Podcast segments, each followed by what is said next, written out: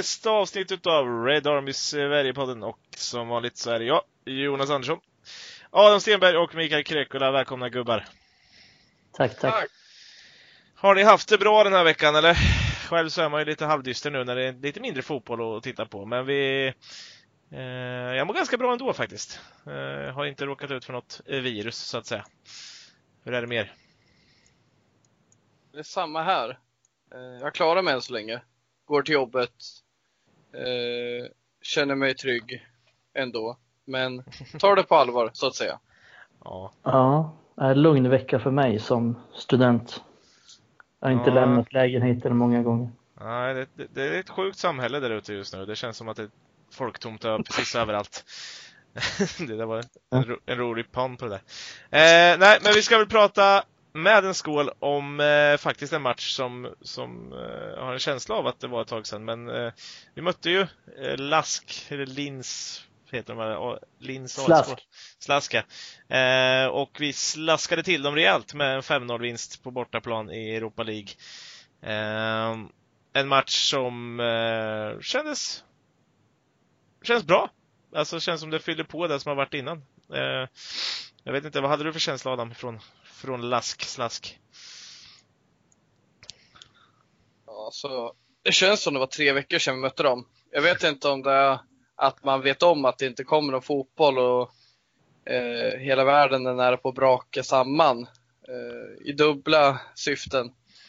Eh, men eh, fan, det var ju en skön känsla efter den matchen. Eh, man visste ju någonstans att det här laget inte var något något lag med hög kompetens, men ändå, de hade ju slagit ut AZ som vi hade lite problem med på bortaplan. Eh, de har slagit ut Sporting och PSV. Så jävla dåliga kan de inte vara, men ja, vi hade övertaget. Men kan väl haft lite med deras skadebekymmer de hade att göra, tror jag. Eh, de kändes så jävla svaga. Det är nog fan den eh, mest överlägsna insatsen i år och då var vi ändå inte överlägsna så. Men de var inte ens nära oss i den matchen. Behövde men de hade väl typ två, de hade ju typ två mittbackar borta och någon ytter. Eh, sin bästa anfallare i Europa League på bänken. Ja, det var lite, jag tror, de hade ju ingenting att sätta emot. Men eh, det finns sina förklaringar. Ja, men speciellt när de inte hade någon eh, publik. Det, tog ju, det var ju en av deras största chanser skulle jag säga. Att de får liksom en hemmapublik i ryggen och kan skapa någon slags kaos. Mm. Men, ja, de lider ju mer av det än oss liksom. Ja, ja, verkligen. Speciellt när de har hemmaplan också. Um, ja, det är, det är första gången jag inte ville att den här säsongen skulle ta slut och då tog den slut efter den här matchen. Så det var ju, det var trist, men vi fick njuta av den här matchen i alla fall. Och, mm. det, Ja, 5-0 på bortaplan i Europa. Det, det låter jävligt bra. Det, det var en stabil insats, men jag vet inte om det var så flashigt liksom. Det var Nej. inte så att det var tiki-taka i 90 minuter, men... Nej, det var väl bara 2-0 efter 60 minuter också, så det, ja, det, var ett det, i halvtid. Ja, precis. Men det, det som vi har varit inne på tidigare, det är mycket tryggare nu. Det hade nog inte hänt. Det hade inte blivit 5-0 för ett för tre, fyra månader sedan. Det kan jag lova. Klas skrämde ingen. Nej, det var Klas. Nej, jag hade, ju, jag hade ju någon slags förhoppning om att han skulle vara någon flashig lirare. Han hade ju så här dålig hårväxt och oflashig. Och... han var så jävla mobbad av Maguire. Jävlar ja. vad han blev överkörd. Och jag ja, tänkte lite, när vi spelade in förra podden och du presenterade Klas för mig där eh, Adam, så tänkte jag precis som Mikael, men det här, det här kan nog vara en kille som är så här. Ja, han kan göra någonting. Han är ändå brasse också och spelar i, i, i österrikiska ligan. Då är han väl säkert någon så här teknisk sak, fast kanske inte, han har sina brister, men det... Mm. Ja, det hade han sannerligen, sina brister. det hade flera stycken i det kära Lask. Nej men, men var det verkligen så? Alltså det, lite som du säger Adam, att man, det var inte, det var, det var bra och överlägset fast ändå inte så bra. Och behövde man vara så bra i den här matchen då? Nej, alltså, alltså vi var ju trygga. Mm. Och vi hade ju ett starkt lag också. Det var ju inte så att vi spelade fram ungdomarna. Eh, vi hade ju knappt, eh, ja det var ju, William startade ju till höger Lite Mm. oväntat. Eh, kanske inte inför matchen med tanke på att vi inte hade med några högerbackar. Men vi har ju inte sett honom som högerback i, bland seniorerna i alla fall. Nej. Eh, sen... Eh, fan, jag har inte riktigt startelvan i huvudet. Men startar Greenwood? Nej. Nej, det gjorde han inte. Nej, det gjorde han inte. Så jag menar liksom, Chong var också på bänken, fick hoppa in visserligen. Greenwood hoppade in, men ja, starkt lag. Bruno och Fred på plan. Mm. Och eh, Maguire. Ja. Så det är klart, eh, det påverkar ju när man har så stark startelva. Det var väl några som stannade hemma i Martial, eh, Wan-Bissaka. Mm. Eh, Är de som var lite osäkra, lite slitna. Ja. De, just de två har ju varit lite till och från om de skulle vara med i tidigare matcher också. Så. Ja, ja Wan-Bissaka skulle sägas, han har ju vilats vid några tillfällen när det verkligen gått så här mot riktigt dåliga lag. Eh, men, Mm. annars, man hade ju någon tanke inför säsongen att han och Dalot skulle varva lite med varandra, men så har det inte riktigt blivit för Dalot är skadedrabbad och han är inte tillräckligt bra helt enkelt. Nej. Nej, han var inte med nu heller av någon, Någon, Någon konstig anledning. Nej, jag vet inte riktigt varför. Nej, jag nej det är ju glaslirare så det är väl någonting med det att göra gissningsvis. Han känner Ja. någonting. Han skulle vara med annars tror jag. Ja, ja, I truppen i alla fall. för fan. Han är, ju, no- han är ju Europa League liksom. Det är ju där vi ska använda honom. Mm. Jag kan, eh, startar ju Igalo också då istället då som du säger för Marcial var borta.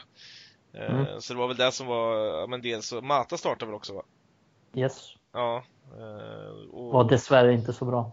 Nej, men ändå ihop med Bruno Fernandes känns det lite så här, där man ser ibland så här, de hittar varandra rätt bra. Det är lite lättare för Mata att vägga sig igenom med honom än när han typ har spelat med, med vissa andra spelare.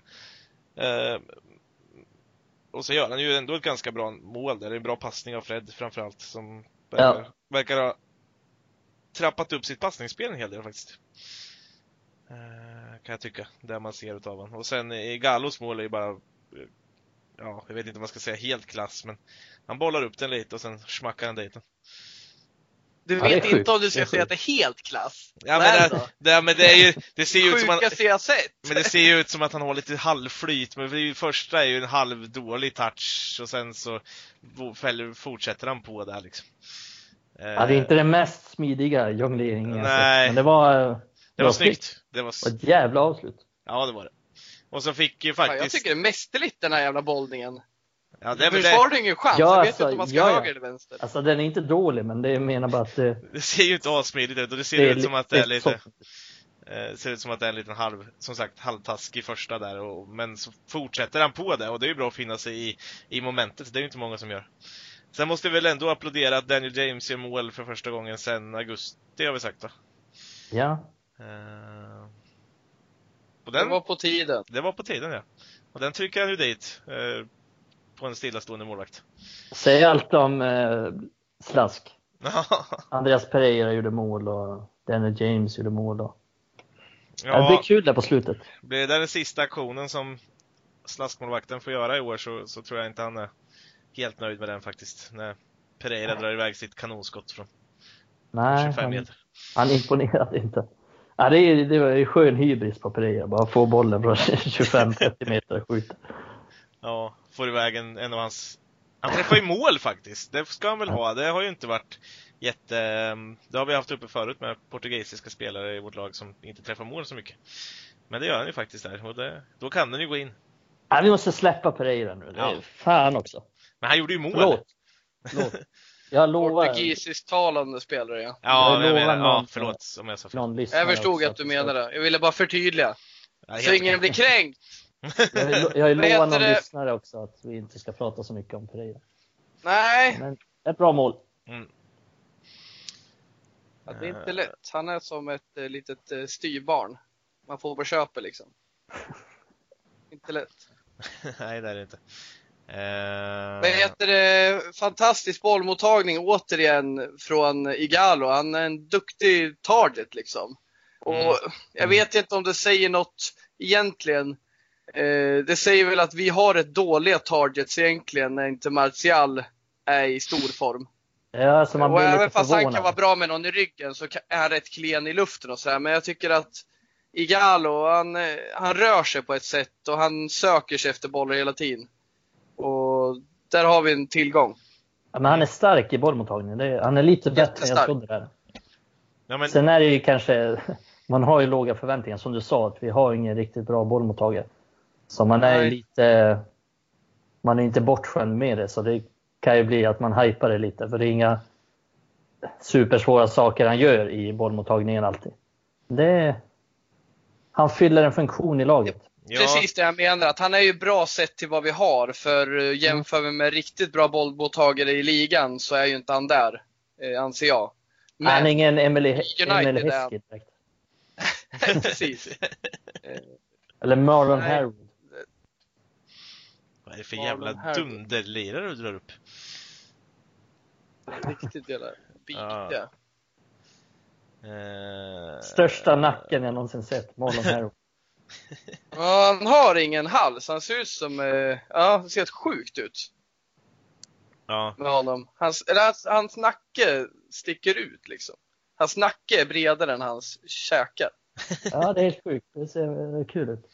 Eh, ingen stor målspruta. Jag kommer ihåg han hoppade alltid in sista fem minuterna i Aston Villa under Martin O'Neill. Han gillade ju att göra byten, Martin O'Neill, så slängde han alltid in Marlon Harewood sista fem. Gjorde aldrig mål. Han hade liksom så här en start, 27 inhopp i Premier League, typ ett mål. var det där killgissat nu? eller? Ja, ja det, är en killgissning. Ja. eh, nej men vad heter det, om vi ska gå tillbaka till Gallo. Det är lite så här, jag tror att vi har ju varit inne på det där innan. Eh, och, och just hans funktion, att vi får en annan typ av anfallare. Vi har ju haft Martial hela tiden, men att vi får tillbaka någonting att kunna variera med också. Att det ger oss ju någonting annat när Gallo spelar jämfört med Martial.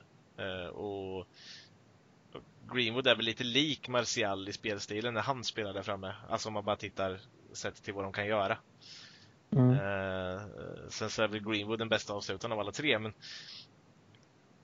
men, men ni fattar Det- vad jag menar. Det, ja. vi, har, vi har ju pratat om det, att det kanske har saknats just för att vrida om i matcher ibland.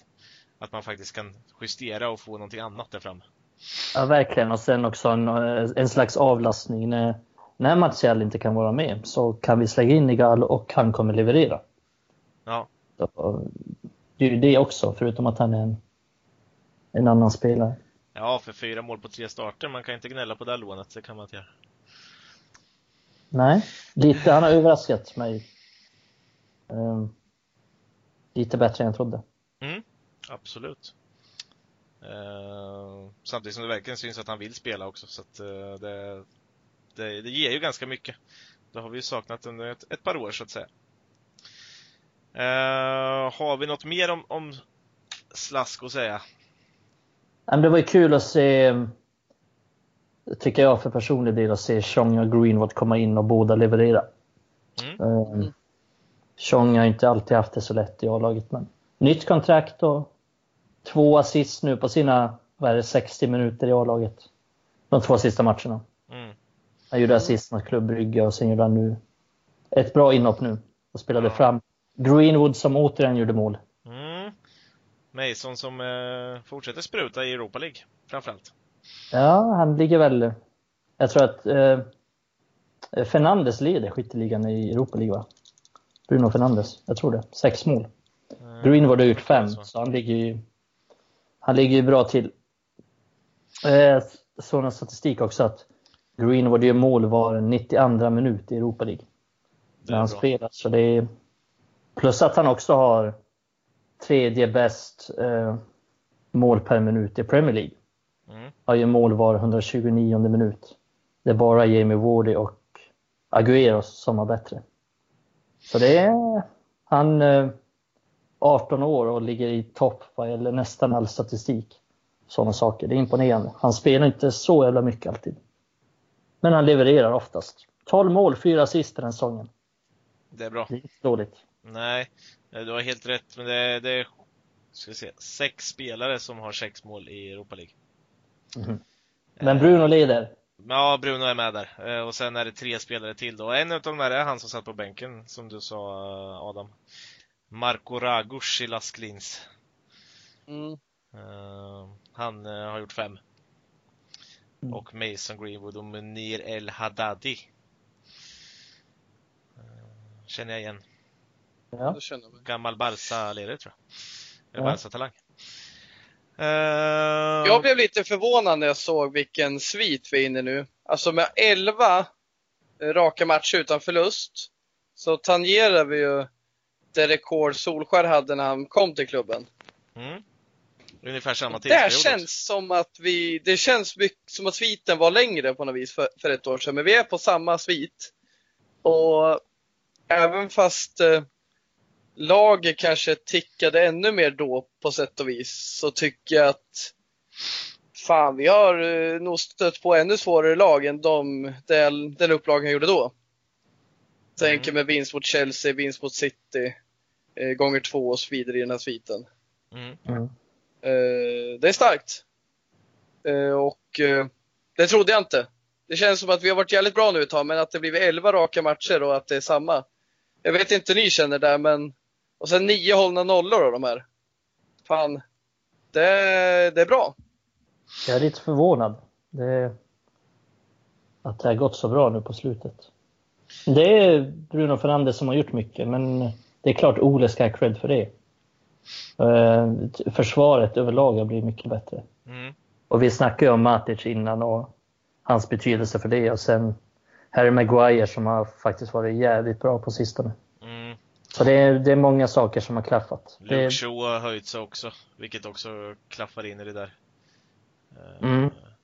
Ganska, ganska mycket faktiskt. Och sen är det ju som du säger, det måste man ju säga, Bruno Fernandes intåg, eller, ja, säger man så? Ja, ja i Mm. alla fall hans ankomst, har ju gjort att många andra har börjat göra, spela bättre.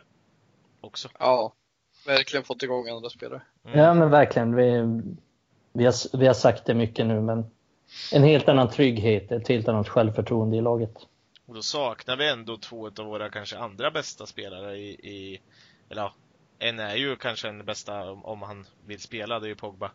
Och sen Mm. Marcus Rashford som var bäst innan Bruno Fernandes kom. Så att ja, det säger ganska mycket faktiskt om hans eh, betydelse och vad Ole har lyckats göra med det sen han kom.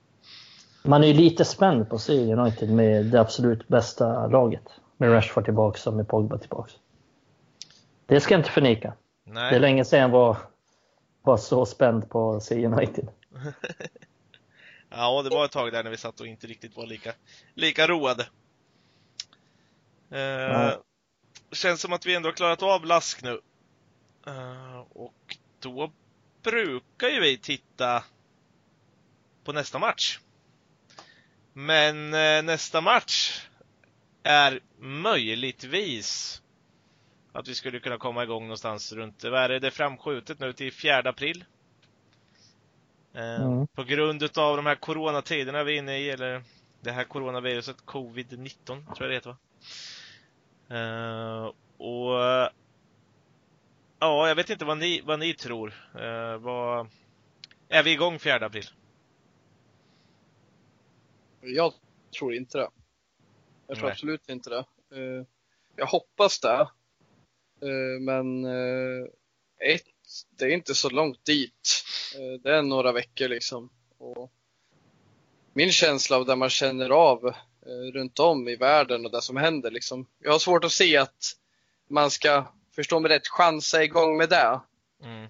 Det här är ju liksom beslut som regleras av rädslor, regleras av hur, vad som händer i världen i stort. Mm. Eh, Fotbollen är ganska liten i världen på det sättet.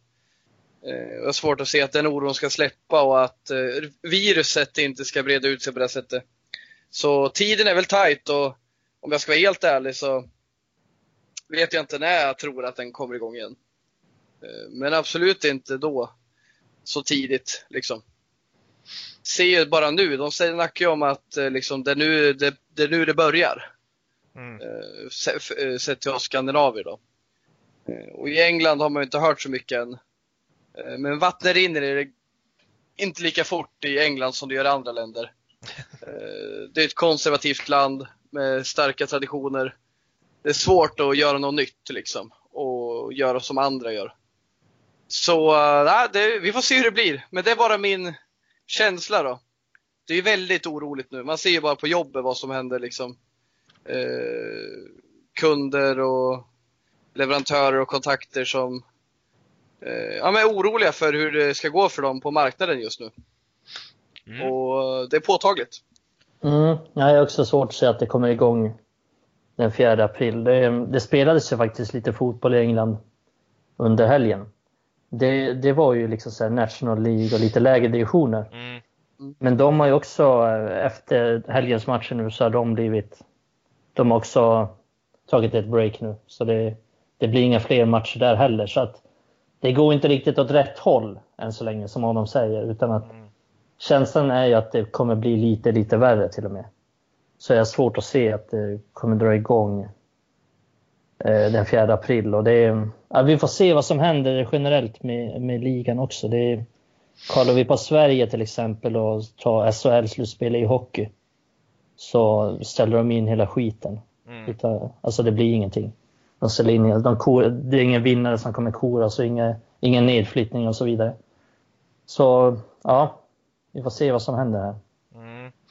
Det är lite så, jag, jag är verkligen inne på ett spår också. Jag tror att är man lite logisk i sina tankar så är vi inte igång till, till 4 april. Det, det, vi pratar ju inte ens om, om vi ska se bara rent till viruset sett så, så har de ju inte nått den här kulmen än som de ser så att det börjat vända. Eh, och har det inte börjat gjort det nu, ah, svårt att se att det då ska vara över och klart och spelfärdigt till, till om typ två veckor när vi, när vi ska vara där då, eller två, tre veckor.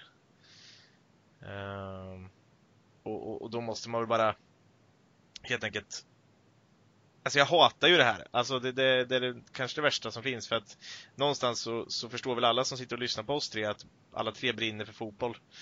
Och, och man skulle vilja se det, men någonstans måste man också se, som du säger Adam, det, det, det, det märks ju även ute. Så här, jag har kompisar som, som jobbar som äh, platschefer och sådär på olika företag och säljare så här, och det, det, ja, det varslas ju folk hit och dit och staten har gått ut och sagt att man får göra sånt bara här och då kan man tänka sig att ja, det finns ju värre länder än Sverige än så länge när det gäller det här viruset och, och, och skulle då England komma igång också? Mm.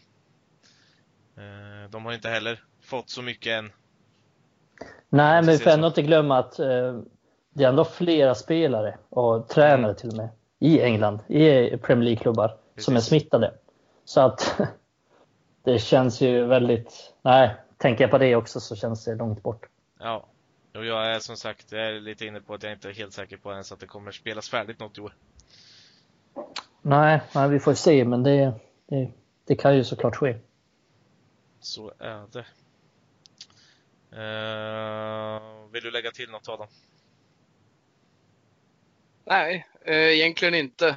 Och det vill bara påpeka att det är så jävla mycket större än fotbollen det här och det känns Mm. som att de får ju bara titta och se hur det utspe- ut, utkristalliserar sig så här. Eh, Jag tror ju att alla i FA och alla i Uefa vill starta igång både EM och, och kupperna och ligorna så fort det går. Ja, de är det så jävla pengakåta men de, alltså. de vågar, ja men de, de vill nog inte vara de där som tar det beslutet. Nej. Precis som regeringen nu har behövt ta vissa beslut. Eh, man vill ju kanske inte vara den som inte vågade göra någonting. Eller den som gjorde fel. Så då gör man det som eh, förväntas av en liksom. Vissa enkla grejer då. Till exempel det är enkelt att stänga ner fotbolls eh, FA. Det är enkelt att stänga ner konserter. Men vissa andra saker är inte lika enkla. Men, men det är så sjukt att se liksom vad som händer i hotellbranschen, vad som händer i kafébranschen, sådana som är liksom drivs av att kunder kommer och kunder kommer tillbaka liksom. Det är ingen, det, det är ingenting du, du kan liksom, det är ingen som är slump. Kommer inte folk och du har en hotellkedja eller du har, eller har hotell, du har B&B, du har ett café liksom. Du dör ju just nu. Mm. Det är ju sånt kaos. Och ja, alltså det, det finns både små och stora företag som lider nu. Och så, ja, men det är påtagligt. Och jag kan säga, jag är inte orolig för det här. Men det handlar ju verkligen inte om mig, det handlar om andra. Och det är intressant när man snackar om det här också. Eh, ja, men jag är frisk och jag är inte rädd, men samtidigt har vi folk i min närhet som eh, kan drabbas hårt av sån här som är i riskzon. Men, men eh, ja, det gäller att ta det på allvar liksom. Men det är klart, sjukdomen i sig när man är frisk, det är en annan femma. Men det Mm. finns ju andra att ta hänsyn till. Och fotbollen handlar om sidan tyvärr. Eh, fan, det, jag hade ju älskat att fortsätta se Premier League. Nu får man ju kolla igenom gamla repriser eller något. Om man tar del och analyserar sånt. Jag kan, jag kan inte låta bli att bli lite lockad av tanken på att, att Premier League ställs in och ingen vinnare koras. Nej. att Liverpool blir utan ligatitel. Fan vad synd det vore. Det skulle ju bara vara Jag vill inte som skulle vara kunna den. lyckas med det. Ja, jag vill inte Det vara vore ju där. hemskt. Ja, det vore hemskt. Eller? Enda laget som har tappat en ledning från ehm, efter att ha ledat efter januari där efter break, eller vad heter det? Ja, vid årsskiftet. Är, är ju Liverpool i Premier League. Och eh, skulle de också lyckas och inte vinna den här säsongen på grund av ett jävla virus, det hade ju varit, ja. Ja, men sen tänker man också på när, när Gerard halkar mot Chelsea. Ja, men- De hade ju ligatiteln i sina händer då också. Det var ju sjukt att de tappade den till och med. Så det är, De Det är bara Liverpool. viruset. det är bara Liverpool det skulle kunna hända där. Och det är, Ja, ja det är sjukt. Ja. Ehm, nej, vad känner ni? Vi har ju dagen till ära dels eh, anordnat eh, en tävling. Och eh, den, eh, den pristagaren ska vi presentera här. Men vi ska väl också flytta över till eh, våra frågor, eller vad tycker ni? För vi har ju ihop med det här fått väldigt mycket frågor. Och det är vi ju såklart alltid glada över. Eller vad tycker ni grabbar? Absolut. vi kör på. Yes, då tycker jag att ni lyssnar ordentligt nu och eh, så kommer vi tillbaka med frågor. Nani.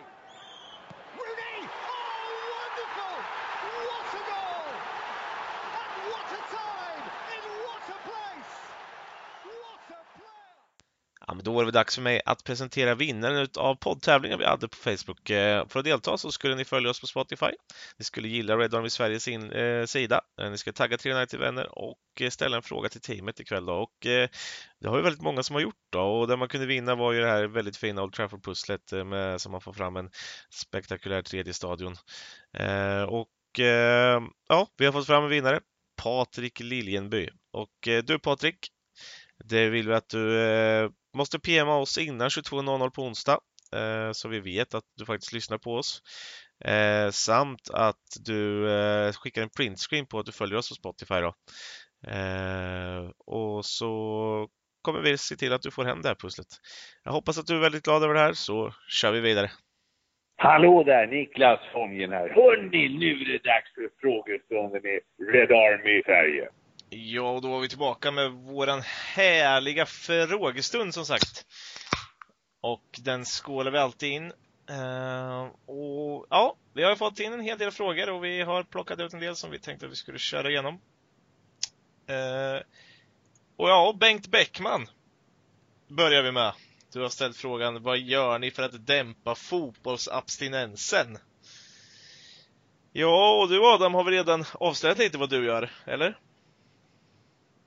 Vad jag gör? Ja, genom att kolla på gamla matcher sa du, men gör du någonting annat? Ja.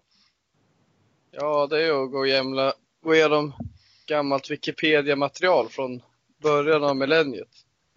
Eh, inventera fotbollströjor. Eh, gå igenom hur jävla jobbigt livet är. Med massa öl. Och så. Nej, fan det är svårt. Alltså hur fan dämpar man det här?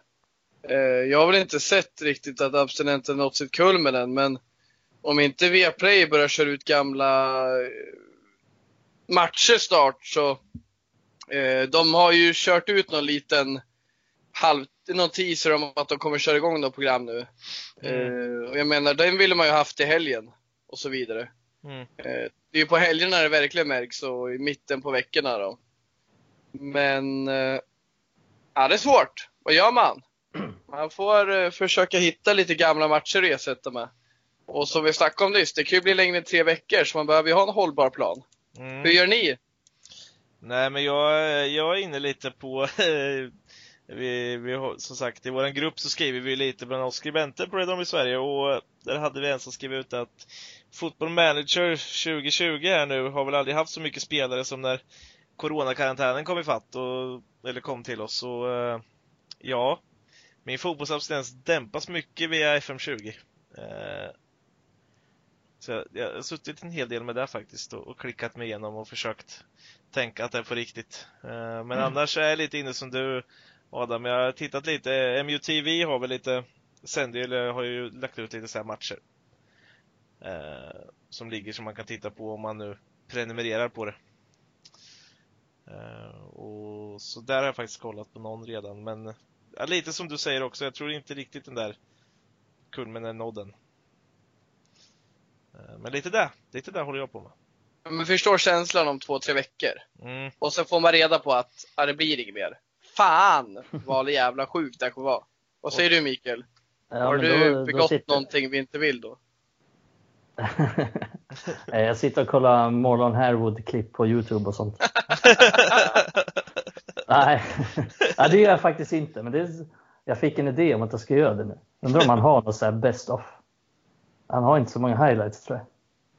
Nej, men... Jag tror han eh, har någon sån här best of från West Ham-tiden. Ja, eller typ så här Tranmere-tiden eller någonting. Ja, för i Aston Villa, där slog det inte gnister. Nej, det gjorde det inte. Men det är Nej, ju men jag- fasen, du kan väl hitta Ja. best of på alla spelare eller? Ja, kanske. Men eh, han är inte en sån som man har best of grejer på. Det kan jag säga. Men jag, nej, jag håller faktiskt inte, jag vet inte, jag kollar inte så mycket på fotboll eh, just nu. Nej. Och eh, jag kollar inte liksom på gamla matcher eller så. Utan jag sysslar mest med annat som man inte, som man inte kanske hinner med när man ser all fotboll. Och jag som tänkte att du hade så här eh, färdiginspelat ungdomsmaterial som du skulle kunna sitta och titta igenom. Nej, tyvärr, det har jag inte. Jag kollar lite Youtube-klipp på dem, men inte, inte så mycket mer än så. Jag sitter mest och typ kollar serier och läser böcker och dricker öl och sånt. Kul. Bedövar, bedövar min smärta. Ja. Fan, läsa böcker är tråkigt alltså. Usch. Skärp dig. Jag måste ju dela med dig, Mikael, där du taggade mig på Facebook idag. Det här med tagga den, vad fan stod det? Tagga den tredje som kommer upp. Ja, Och vad du skulle göra med den i två Ja, veckors det. karantän. ja det var kul. Bunkra med massa sprit och gå igenom Boltons spelartrupp från 0708. ja, så där skulle jag kunna leva med. Ja, Ett gäng det, öl och sen gå igenom lite gamla klassiska trupper i Premier League. ja, men det är klassiker. Så här, Kevin Davis på topp, den tydliga targeten. Sen Ja. Kevin Nolan som släpande bakom. Ja, det är, sen Greta Ivan, Steinsson. Ivan, Camp, Ivan Campo som innermittfältare och Greta Steinsson som och Jussi Jeskelainen. Jävligt, Ja, Jussi. jävligt för stor målvaktströja hade han alltid, kändes som. Visa Ja, ditt bröst. Jussi. Ja. Nej, så det är, Mm. ja, något sånt hade det väl blivit till slut. Ja, det hade varit gudomligt gött. Men just nu klarar jag mig med, med böcker. med serier och böcker och, och öl. Icke att förglömma. jag hittade så här gamla papper i helgen när jag tittar runt. På, jag har så här gamla anteckningar från länge sedan när man gjort lite så här listor så här roligt. När man varit riktigt jävla uttråkad. Då hittade jag, då jag gjort någon så här inventering av mina fotbollströjor. Eh, från typ ett och ett halvt år sedan. Det är fan inte kul länge. fan håller man på med? Så här liksom. Som att starta en jävla save Age of Empires. Vad fan håller jag på med? Jag är 28 år. Vad fan gör jag? Ja, Ja, så är det. Inte lätt. inte det. Tillbaka med fotbollen. Nu! Mm. Och eh, då kan vi väl flytta över på fotbollsfrågorna istället då.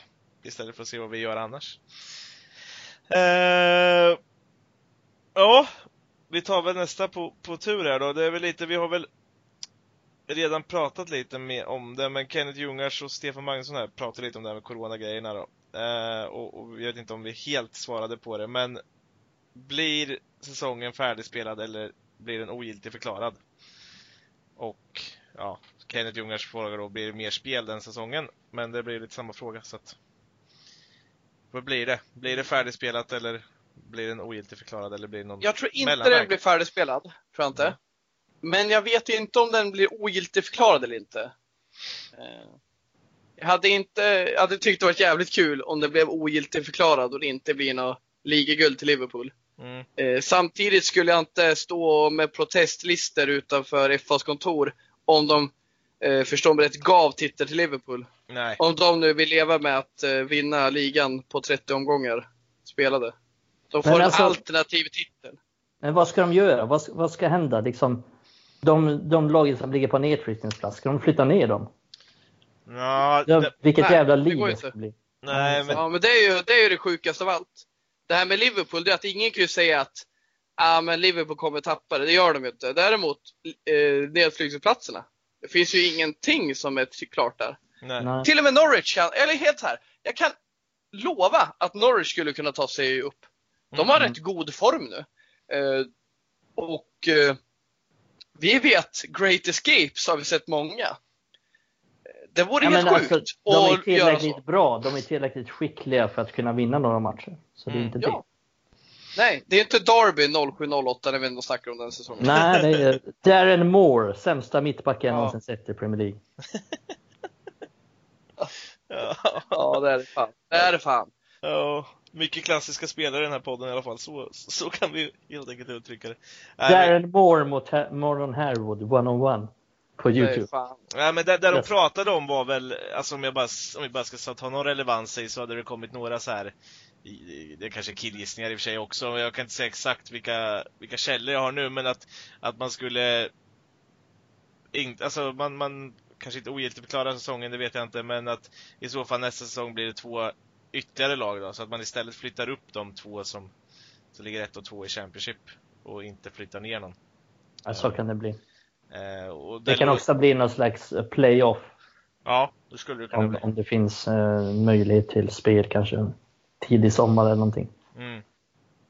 Eh, men det, är också, det, det känns också så här orättvist, för då vet man ju inte heller hur det ligger till i lagen och det är ingen som har spel. Ah, ja. Nej, men allt blir liksom orättvist. Jag vet, inte. Ja. Vi, vi har ingen expertis i det här heller. Så det är liksom Nej, och det är så, som, precis som vi sa nyss, vi kan ju aldrig säga någonting för vi vet ju inte. Vi, de enda grejerna man vet är ju till exempel att EM är flyttad och sådär som det ser ut just nu. Liksom.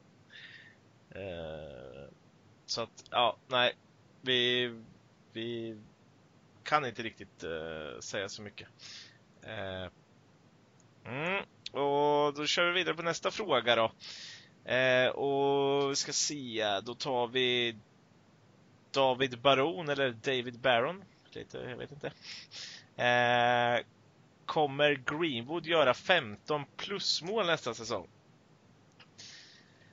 Ja, Det var snabbt. Svar ja Next. från Mikael. Nästa fråga. ja nej, men han har gjort 12 hittills. Så ja, säsongen är liksom två månader från slut. Så det, han kommer göra ännu fler nästa säsong. Så han kommer göra över 15. Ja, Om han inte skadar sig eller så. ja men precis, så ska man ju alltid. Men jag, vi tänker att vi får leka med tanken att han är frisk hela säsongen. Mm.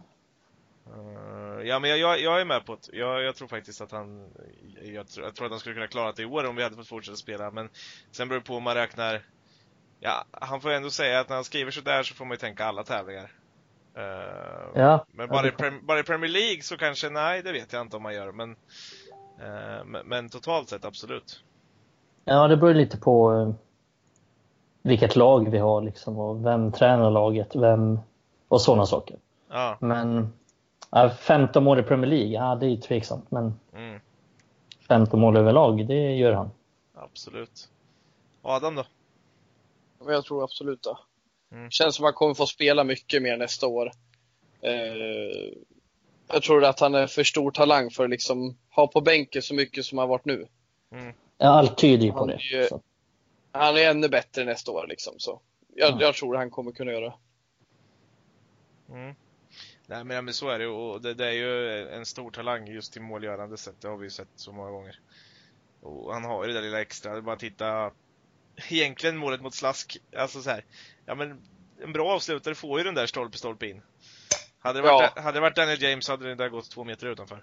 Ja men, ja. Ja, men han behöver inte så många chanser. Alltså, Nej. kollar man på, på de målen han har gjort, det är inga givna liksom, lägen man tänker nu måste det vara mål. Mm, Men eh, när han får bollen, då tänker man ändå, bara för att det är han, så tänker man ja, nu kan det bli mål. Nu, nu blir det förmodligen mål. mm. Och så blir det, utan att det direkt är ett jättebra läge. Men fan, där sa du någonting där att han har inte så jävla många solklara lägen. Det har han faktiskt inte. Det, egentligen Ja. kommer jag ihåg ett som var sådär solklart. Det tror jag var mot Bournemouth kanske. Bournemouth borta. Ja, när han får den på bortre stolpen och han inte inte gör... Han träffar stolpen. Ja, precis. Eh, och det är egentligen det enda så här som jag kommer på så här läget som är här ska han bara göra mål. Ja, han gör ju de flesta målen faktiskt utanför straffområdet. Mm. Eller flesta och flesta, men han har gjort många mål utanför straffområdet. Eller precis, innan, precis innanför. Han måste ändå göra ganska mycket för att få in den bollen i mål liksom. Han måste göra, Mm. ja, göra sin spelare och ändå komma till lägena. Ja, men han gör... Han gillar den där höger, komma in från högersidan också i i straffområdet och, och smälla dit den i, i, i främre. Jag tycker, Ja. minns att han har gjort så ett par gånger i år. Ja, det är för att han, han utgår från högerkanten så han får inte lika många lägen i boxen som han hade fått om han hade spelat striker. Nej. Men ett sånt mål har han ju också gjort mot eh, Sheffield United, när han verkligen stötte in den bara. Mm. Eh, Sådana mål kommer han göra Ja, en del av i framtiden. absolut. Eh, ja, nästa fråga. Ja, men den här är väl lite ändå aktuell. B- Bör inte Igalo få minst en säsong till? Eh, inom parentes minst, skriver Henrik Haglund. Eh, och eh, sen samtidigt skriver eh, Tim Kapstad då, tror ni att Igalo kommer köpas loss? Och Dennis Björkman, ska vi köpa Igalo? Och det är väl lite, lite samma klientel på de tre frågorna. Vad har du för syn på det Adam? Ja, men det som har rapporterats, eh, inköpssumman, den är inget att snacka om. Och inköpssumman är ju aldrig något problem för oss eh, när det kommer till spelare. Vi är ju väldigt eh, eh, rika, så vi kan köpa dyra spelare utan att det riktigt märks. Eh, det är väl det här med lönen som jag ser som ett litet bekymmer. Om, om han ska ha någon lön som är det som rapporteras runt 120 000 tycker jag det är lite väl mycket för honom. Däremot tycker jag att han har varit fantastisk. Jag vill gärna se honom som en reserv och som en spelare att kunna ta in. Ingen spelare, jag vill inte köpa honom för att han ska bli vår ordinarie spelare för då tycker jag att vi sänker ribban lite väl. Mm. Eh, fantastisk som reserv och då ska han ha en eh, lön som en reserv och, och det är just Det handlar inte om att ja, vi kan betala dyra löner men då ska det också det ska infinna sig en balans där så att en spelare som kommer in sen som reserv ska ju inte peka på hans lön och mena att jag ska ha liknande. Nej. 120, det har ju en bra spelare i Premier League. Det är väldigt bra spelare i Premier League som inte är så nära det. I topplag. Mm. Eh, så. Men eh, jag vill gärna se honom spela. Och är det så att han får 70 eller 80, ja men då är det en annan femma. Men just där 120, det tycker jag personligen är lite väl.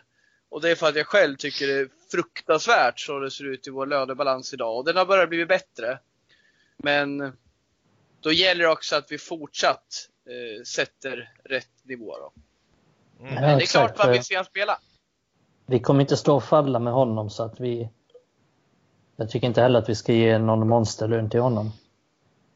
Nej. Eh, Är han liksom billig i drift, då tycker jag absolut kör på. Det är ingen skada, men börjar det kosta för mycket, då tycker jag att United ska sätta ner foten för att han är ingen framtidsman och han är ingen som man står och faller med. Även om han har gjort det bra nu så misstänker jag att han inte kommer hålla uppe det här hela tiden. Men jag tror att han kommer vara nyttig. Men jag tror inte heller att han kommer, han kommer inte fortsätta leverera på den här nivån. Nej, Det tror jag inte. Lite intressant nog så satt jag faktiskt just i den här frågan och gjorde en liten pros and cons-lista för mig själv. Det är lite tråkigt.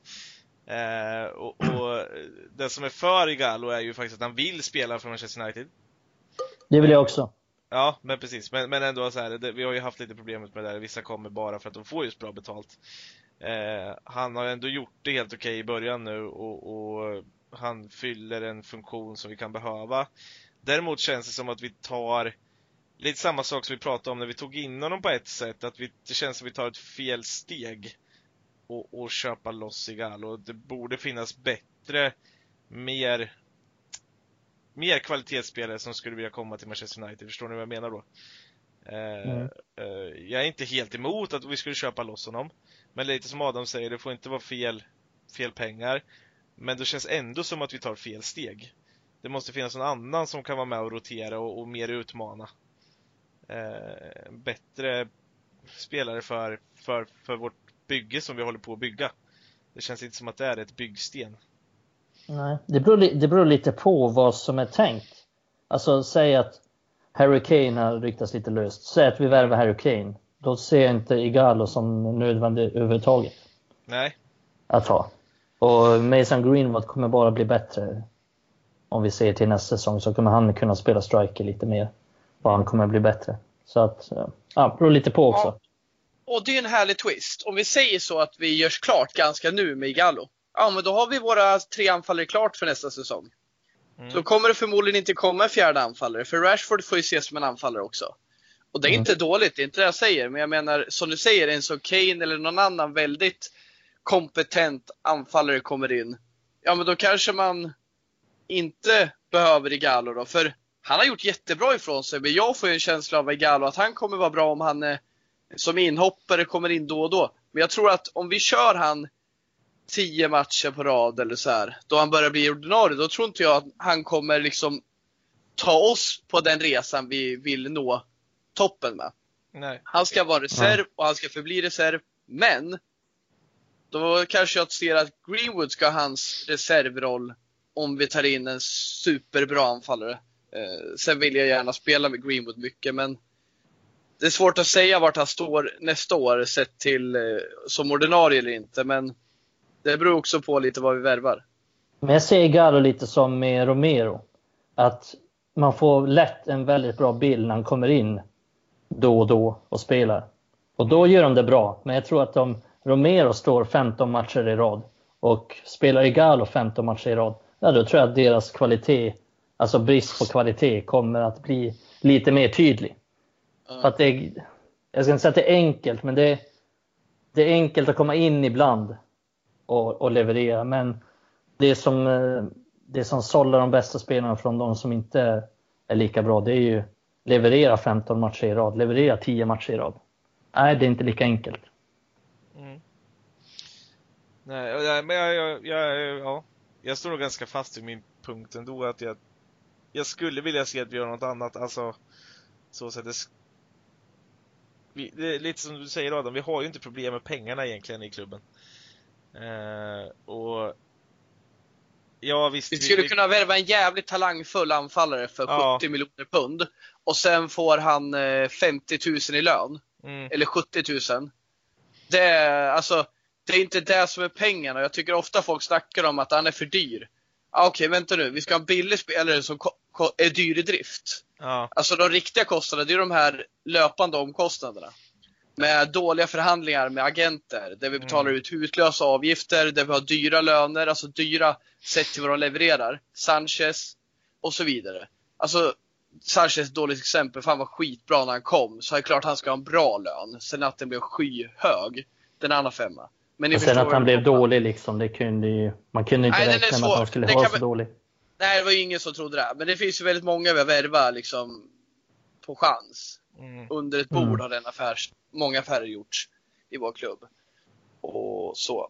Men, eh, ja, Ja, nej men- men eh, som sagt, en, en billig Gallo, självklart. Han har ju verkligen levererat och en god reserv som har gott intryck eh, både eh, fysiskt och psykiskt på mig då.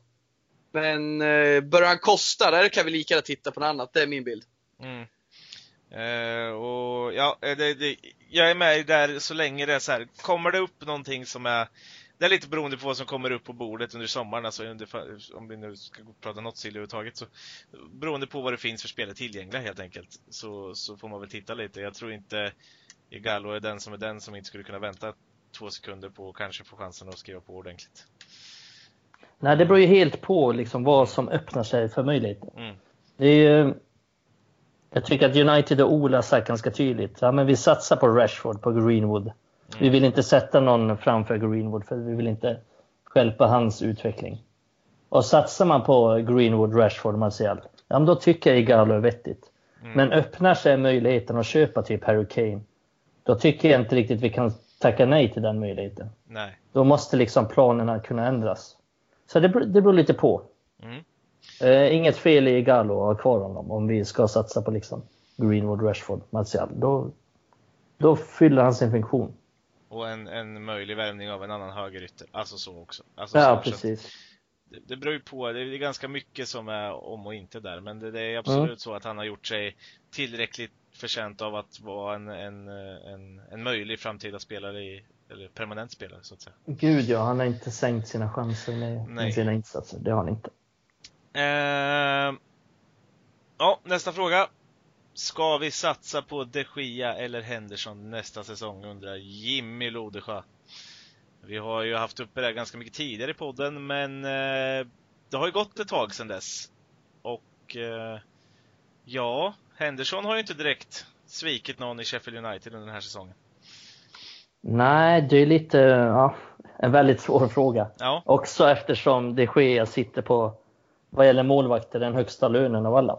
mm, Och är liksom, de Gea inte i någon så här, jättebra ålder där han kommer utvecklas eller så. Jag tror faktiskt att de Gea är en så här Casillas typ av målvakt. Så att jag tror faktiskt att han var som bäst för två, tre år sedan. Jag tror inte att han blir bättre. Man brukar annars säga att målvakter blir bättre över 30. Men jag tänker att en van der Sar målvakt blir bättre över 30. Men kanske inte de Gea som lever mycket på på liksom vara en linjemålvakt och vara en reflexmålvakt. Ja. Så att ja, men det är, det är också mycket, det är lätt att säga, ja men satsa på Henderson. Och ja, Henderson är, är väldigt bra. Men Henderson kommer nog aldrig kunna göra sådana räddningar som de Gea har gjort och fortfarande gör många gånger.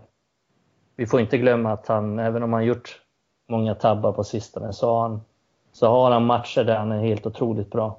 mm, Det är också, ja, det är en svår fråga som säger innan. Man måste, man måste väga för och nackdelar och jag har nog inget emot att man skulle, får man ett bra bud på det Gea så tycker jag nästan att man ska sälja honom.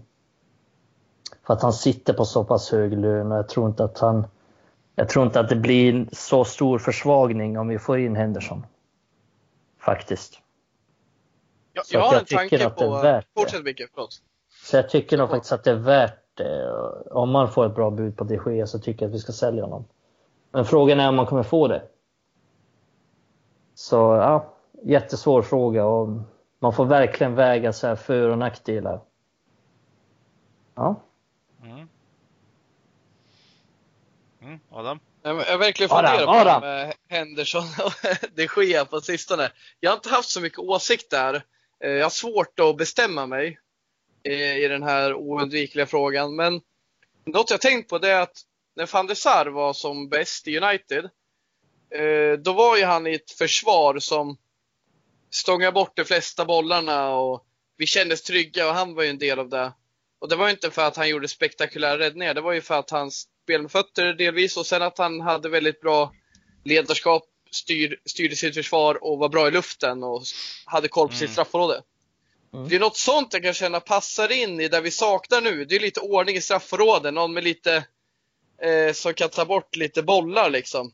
Vårt försvar är så pass bra nu så det kommer knappt några skott på mål i, i eh, kontra vad det gjorde för ett, två, tre år sedan. Eh, jag känner att eh, eftersom vi blockar mer, jag tycker att spelare som AVB blockar, Maguire blockar, eh, då behöver vi istället en spelare som styr upp försvaret, som är bra i luften och som eh, kan hjälpa oss på fasta. Så jag känner inte att vi kanske skulle sakna de Gia så mycket i höst som vi hade gjort för tre år sedan. Mm. För tre år sedan hade han eh, Smalling, eh, Valencia och Jones framför sig. Liksom. Och det är en jävla skillnad nu. Och vad är det vi saknar? Jo, det är en ledare där bak. Som en är, bra, bra poäng faktiskt. har pondus liksom. Och, och han är ung. Men det är fan dags att skola in honom och jag tar absolut in han. Sen om det är han som startar eller inte. Men du har en bra poäng där med att han är dyr. Vi kan inte ha de Gea som en andra val på den Nej. lönen heller. Det är skevt Nej. om något. Nej, och sen eh, också att han så sent som mot Everton gjorde han en stor tavla. Liksom man, man sitter ju lite och väntar på att han ska sluta göra dem. Men det har han ju inte riktigt gjort. På, han, har, han har gjort för många tavlor på sistone. Men man känner ju ändå liksom så att ja, men han har varit så pass bra. Snart kommer han sluta göra sina tavlor. Men kommer han det? Det vet vi inte. Han har gjort förskräckligt många tavlor denna säsong. Alltså Ja. riktiga tavlor. Den här mot Watford när han tappar in den, det ser helt sjukt ut. Ja, men det är liksom så hundraprocentiga tavlor. Det är inga så här, Ja. ja. han är lite tveksam där. Det är bara, jag hade tagit det. Det Precis. är, det är tavlor på den nivån. Ja, nej, och Ja. det ja, ja, jag, jag håller med. Jag är ganska med er på, på vad ni säger båda två faktiskt. Det var jävligt bra poäng där Adam. Eh, den ska du ha. Men Bra tänkt! ja, bra tänkt faktiskt. Du, Det är du inte så ofta. s- satte mig lite på pottkanten för det var... Nej, men eh, jag är så här, jag är inte... Jag hade ju inte varit emot att ha kvar de Gia heller, det går inte att säga så. Det är fortfarande en av de bättre målvakterna i världen. Eh, sett till vad han kan göra och allting sånt där. Men men jag är så mycket för att faktiskt, om, som du säger Mikael, får vi bara ett, ett bra bud på, på de Gea, ett okej bud. Ja men sälj honom då, då och ta in Henderson för då har vi en målvakt som troligtvis kan vara väldigt bra väldigt många år framöver. Eh, Ja, men vi har en målvakt i tio år framöver då, Mm. om han fortsätter på den inslagna vägen. Precis. Eh, Och jag, jag har ju följt honom länge, så jag vet, eller ja, nu låter det som att jag känner honom, men han har, alltså hans mentala förmåga är ju något utöver det vanliga. Och det får man ju säga att det sker också är. Men Hendersons vad gäller liksom så här, tro på sig själv, han är lite Joe Hart där. Hoppas att det går bättre för honom än det gjorde för Joe Hart till slut. Men, men eh, liksom så här, han, är väldigt, han är väldigt självsäker och väldigt han känner att ingen utmaning är för stor för honom. Han, han har bevisat alla fel i, liksom, i alla sina år. Så att han tar ju bara nästa steg hela tiden och vem vet hur långt det kan nå. Men jag, jag liksom, man tänkte så här, Ben Foster, ja man trodde att han skulle ta över efter van der Sar. Men Ben Foster hade inte riktigt den mentala styrkan kanske att spela i United. En bra mål i Premier League han väl varit i många år, men jag tror att Henderson har den mentala förmågan. Att kunna stå i United och kunna klara av den pressen. Och det tror han själv också. Så att det är det absolut viktigaste. Om inte Foster visste om det så blev jag i alla fall varse på Twitter eller Instagram eh, om att han inte hade huvudet. Det var väl van der Sar som kommenterade på hans Instagram. När han sa att eh, eh, han hade en bild, Foster då som nu spelar Watford för alla som, ja, ni känner igen honom. Ni som lyssnar. Står bredvid Gomes, en målvakt i Watford och sen någon till. Om det var Pontus Dahlberg eller något sånt, eller om det var målvaktstränare. mm. Och säger It's only hard work, står det. Och då har van der Sar kommit, kommenterat typ något i stilen med Ja, det är synd att du inte kom på det tidigare. Eller när du var ung. Mm. Och han var ju någon slags läromästare till Foster i United-tiden. Mm. Eh, Jag tror jag kollade det, det var ju hans riktiga Instagram.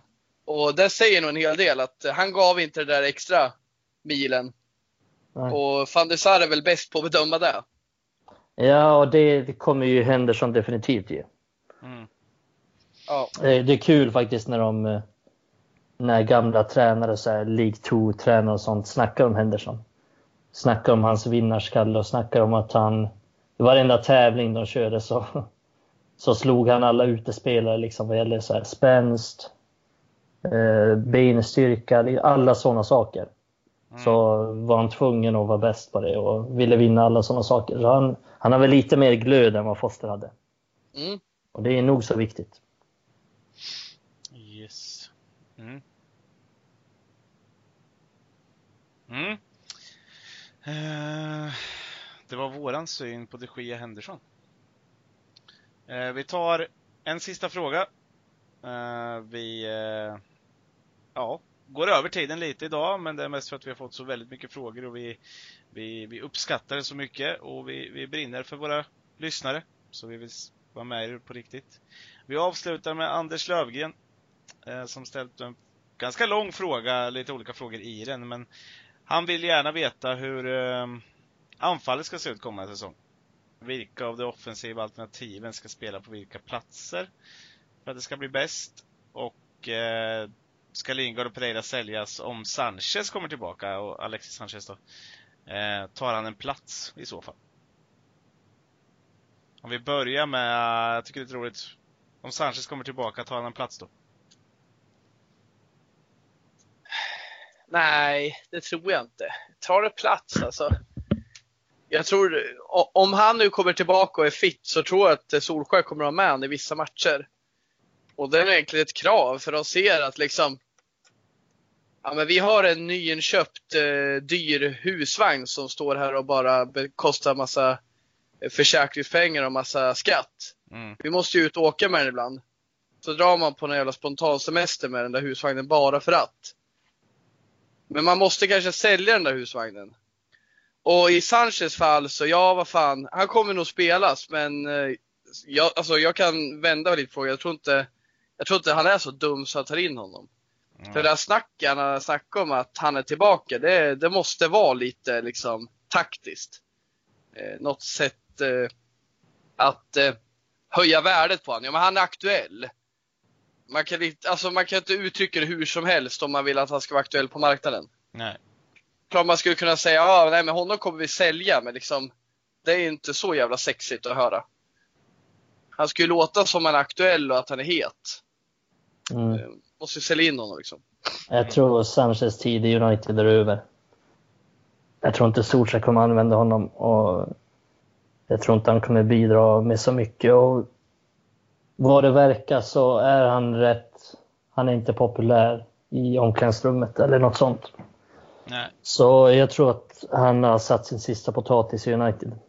Han skulle säkert kunna göra några bra insatser men ja, jag har svårt att se honom göra så stor skillnad. Mm. Och det är liksom inte värt det. United kommer, kommer det bara ett bud så kommer United liksom utan att tveka. Det de har aldrig sålt en spelare snabbare än vad de kommer sälja Sanchez om det kommer in ett bud. Det kan jag lova. Så eh, de kommer försöka bli av med honom precis som de försökte Ja. eh, bli av med honom nu. Mm. det tror jag. Nej, faktiskt helt inne på Mikas linje också. Och eh, även om han kommer tillbaka så tror jag kommer användas, ja, kanske ytterst sporadiskt då, som du säger Adam, bara för att inte betala bort allting hela vägen. Ja, Men jag tror inte heller han vill ha honom liksom. Det, jag tror dock inte det är så jävla lätt att sälja honom. Nej. Han, eh, fan det vart ett jävla skadehelvete i Inter alltså. Mm, Och det fortsätter bara. Det är ju typ om en MLS-klubb kommer. Han känns så jävla MLS-kompatibel nu när han liksom bevisligen inte klarar det på den här nivån skademässigt. Han är ju för skadebenägen liksom. Kommer närmare Chile också. Mm. Ja, Nej, det är, väl, det är väl inte omöjligt att det blir kanske en Miami med Beckhams klubb. Mm. Men jag tror inte han kommer, jag tror inte han kommer vet du, frysa ut honom. Tror jag verkligen inte. Eh, Det Nej, känns inte som inte Solskjaer kommer göra det med en sån spelare. Yes. Och om vi då går över till att vi tror att inte Sanchez spelar, hur ska vi ställa upp de offensiva alternativen för att det ska bli bäst då? Nästa säsong pratar vi om då. då. United kommer försöka värva Jadon Sancho. Mm. Och om man får honom så kommer han ju spela, naturligtvis.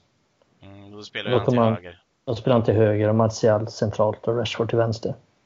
Mm. Inledningsvis. Men kommer inte han, ja, kanske någon annan kommer, men då, då blir det förmodligen liksom Greenwood, Martial, Rashford. Det blir, jag tror inte, det blir inte så stor skillnad. Nej, Eller Kane om man kommer. Det är men det är så svårt att säga. Det- Vi får nog gå ja, på de vi har exakt. i så fall. ja, Alltså, så här, då, då blir det ingen skillnad. Då blir det Martial centralt, Rashford vänster. Och nästa säsong, jag tror nästan att Greenwood kommer... Jag, jag sa ju för något år sedan redan att Greenwood kommer vara ordinarie i maj den här säsongen. Mm. Och det kanske han är, eller det kanske han inte är. Men jag tror att han kommer vara ordinarie nästa säsong i så fall. Mm. Om vi säger till höger, för då konkurrerar han bara med James. Och Precis. där tror jag att Greenwood är bättre nästa säsong. Snäppet bättre. sen kan man nästan lova att det kommer in någonting. Ja, sen kan man lova att eh, James kommer få spela mycket ändå. Det kommer bli rotation och så. Mm. Och James är ingen dålig rotationsspelare. Jag tycker det är en jättebra spelare att ha i truppen. Eh, Mm. Överlag. Så honom ska vi Yes. inte klanka ner på för mycket. Men det kanske inte är en startspelare i ett Manchester United som jagar, jagar tillbaka gamla, gamla forna tider. nej, det är det nog inte. Nej. Och, och sista där då. Nu kommer vi in på de här ändå. Men ska Lingard och Pereira säljas? Ja. Ja, Det är ja, fan dags. Det, ja, det Ja. tycker jag. Det är att sätta nivån. Ja. det är det verkligen. Eh, och Pereira har ju fått mindre och mindre. Uh, från Solskjaer om man säger, eh, förtroende. Och Lingard verkar ju ha ytterst lite, eh, så sett. Eh, Mm. att, Men vi eh, kommer inte ha så stort behov av dem nästa säsong. Nej, och då är det bättre. Då har vi andra spelare som kan ta deras rotationsplatser istället. Ja. Eh, Så det är vi helt med på. Känner ni er nöjda gubbar? Alltid. Ja. Då tycker jag att vi ska tacka för idag. Eh, glöm inte följa oss på Spotify. Glöm inte följa oss på Acast, Podcaster, iTunes, Soundcloud, vad ni nu lyssnar på. Eh, och glöm inte följa oss på Facebook, Instagram och Twitter. Där Instagram och Twitter kommer att vara väldigt aktivt nu eh, den kommande tiden. Eh, men vi tackar för det här allihopa. Bye bye!